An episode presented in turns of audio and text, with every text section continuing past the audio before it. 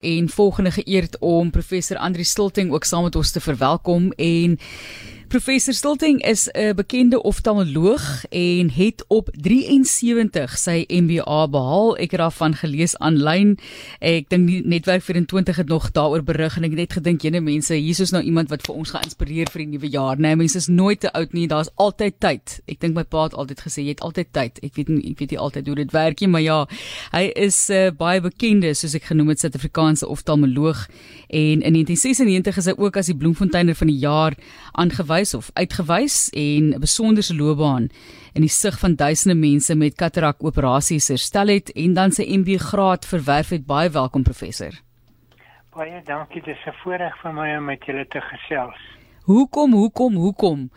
Wil jy jouself onder soveel druk sit op 'n tyd in jou lewe professor waar baie mense eintlik wil rus want 'n MBA is nie 'n grap nie.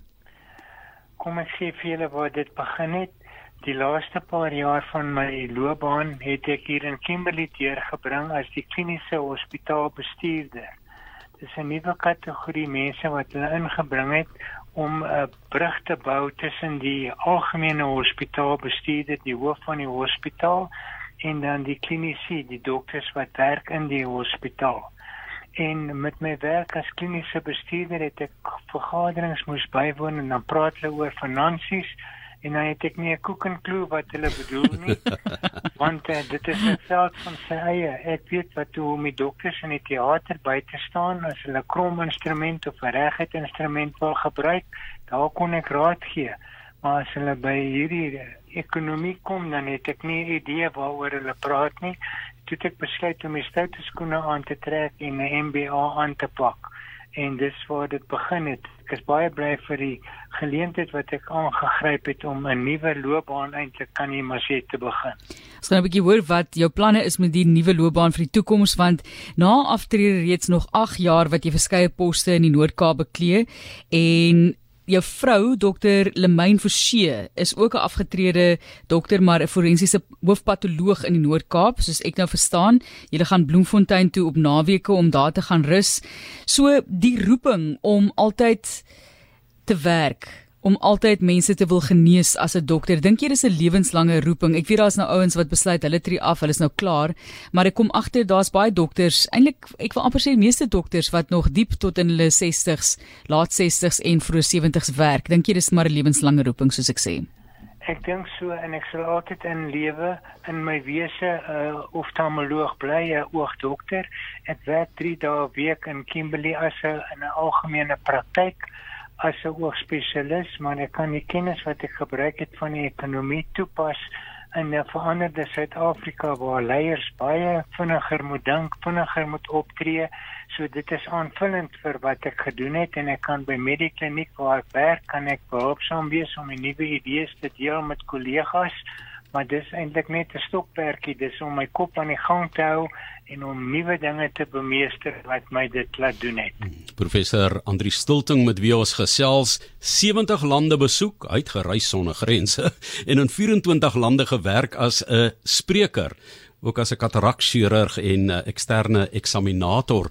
Dis absoluut 'n ongelooflike lewensreis, 'n lewenspad eintlik, 'n professor waar op jy is en dan is jy baie ek ben ek wil sê weetskierig want jou stokperdjies is 'n verskeidenheid van dinge. Vertel vir ons 'n bietjie watter ander dinge jou interesseer in die lewe. Wel ek hou baie van lees, fiksie en non-fiksie en ek hou baie daarvan om sport te kyk op die televisie, veral die rugby en uh, ek hou daarvan om klassieke ligte klassieke musiek te luister en om uh, met mense te gesels. Ek is 'n sosiale wese, so ek hou baie daarvan vir kuier en uh, so daar's baie belangstelling. Ek dink 'n mens kan enigiets doen na aftrede, maar jy moet net jou kop aan die gang hou. Jy moet net besig bly en nuwe horisonne verken om altyd 'n uh, nuwe uitdagings aan te pak. Hmm. Dit is vir my 'n lewensroeping om dit te doen.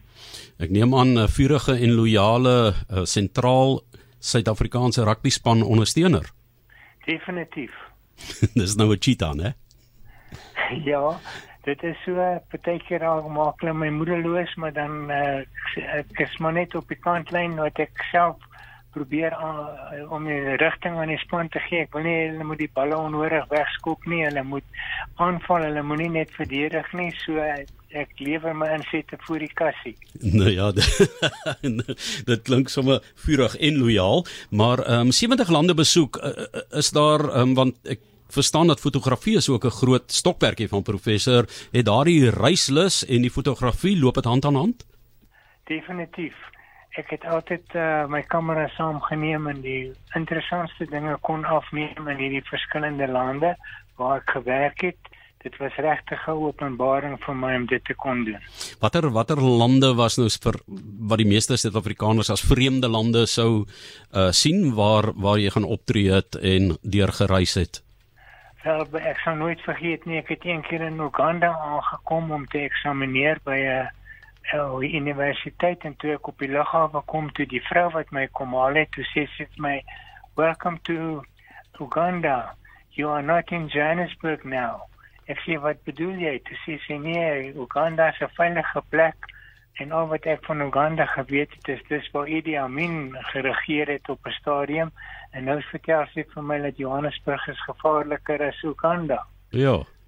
So ek het baie interessante staakies uh, wat ek kan vertel oor my soeke in in Afrika, maar die groot ding is dis ons vasteland en dit help altyd om iets te leer vir mense, maar ook om by mense te leer. Ek het in elke land by mense verskillende dinge geleer wat my baie goed te staan gekom het in my reis op hierdie aarde. Ek dink Uganda, Rwanda, die berggorillas word daarmee geassosieer en dan Kenia met die Serengeti, ehm um, die pragtige pragtige plekke wat 'n mens daar kan besoek, maar 'n groot eer professor, 'n eregenootskap van die Oos Afrika College van of Talmolo in 2009 en 2011 nê 'n eregenootskap van die College vir Geneeskunde van Suid-Afrika. So dit is ook seker 'n veertjie in die hoed 'n groot kompliment dan vir 'n Suid-Afrikaner om vereer te word op ons kontinent.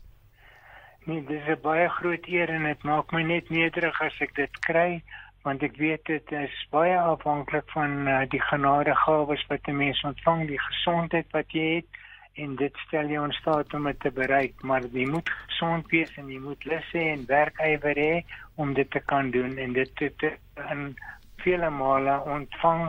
Ek kan net met dank terugkyk op 'n baie interessante loopbaan wat nog ver nie einde is nie. Profit vroeër verwys na al die finansiële gesprekke wat gevoer word en dinge wat jy nou nie iets van weet nie. So wat is van die hoof vaardighede wat jy deur die MBA aangeleer het wat jou help om jou taak nou beter te verrig en om 'n verdere toekoms vir jou loopbaan in te slaan? Ja, kyk die hele leierskap storie het nou verander. In die ou dae in ons die Medikliniek groep waar ek werk, is eintlik 'n internasionale organisasie met takke in Abu Dhabi en in Switserland. En so hulle kan nie eintlik baie maklik verander nie want dit is strukture wat deur alle lande goedgekeur moet word as 'n mens veranderinge wil aanbring. Terwyl aan die ander kant as jy met 'n COVID-19 pandemie te doen het, moet jy nou nie dink jy kan nie broei en sê nee maar kom ons wag 'n week en kyk wat gebeur nie. Jy moet vinnig optree, jy moet die hospitaal gereed kry, jy moet vaksines produseer en reg kry. So mense moet baie vinnig gedink as wat jy voorheen dink het en is nie nodig altyd om 100% korrekte besluite te neem nie, maar om die verskillende scenario's te beplan en te sê dit is moontlikhede wat alles kan gebeur, maar ek moet reg wees vir al vier moontlikhede en nie net een ding nie, want as hy gebeur, moet ek vroeg kan optree om die mark te bemeester en om 'n leier te wees op daardie noot wese leier asseblief professor en gee vir ons inspirasie en en waar kry jy jou motivering vandaan? Dalk is daar iemand wat nou luister wat nou nie noodwendig MBA wil gaan doen nie, maar wat graag 'n nuwe vaardigheid wil aanleer of iets wil gaan studeer of 'n nuwe besigheid oopmaak, maar hulle is maar bang of hulle is bekommerd oor ouderdom. Wat sal jou wyse woorde wees aan hulle? Ek dink ouderdom speel geen rol nie. Dit hang net af hoe jy binne in jouself voel.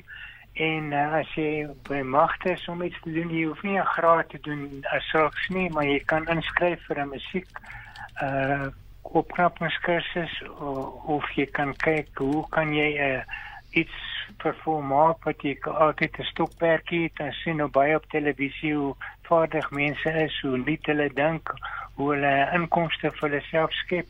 Ek dink daai drang moet 'n mens nooit nooit laat gaan nie. Mens moet met mense praat en 'n mens moet nooit skroom om 'n ding aan te pak en voluit te gaan nie. Ja, ek het dit nodig gehad professor. Dankie. Ek het dit nodig gehad vir hierdie nuwe jaar. Professor Andri Stilting wat met ons gesels en ons sê vir jou baie groete, groete ook vir jou vrou wat ook nog so hard werk in die bedryf en bekende oftalmoloog prof wat nou 'n MBA op 73 behaal het. Ons is baie trots op u. Vreeslik dankie. Ek waardeer dit opreg.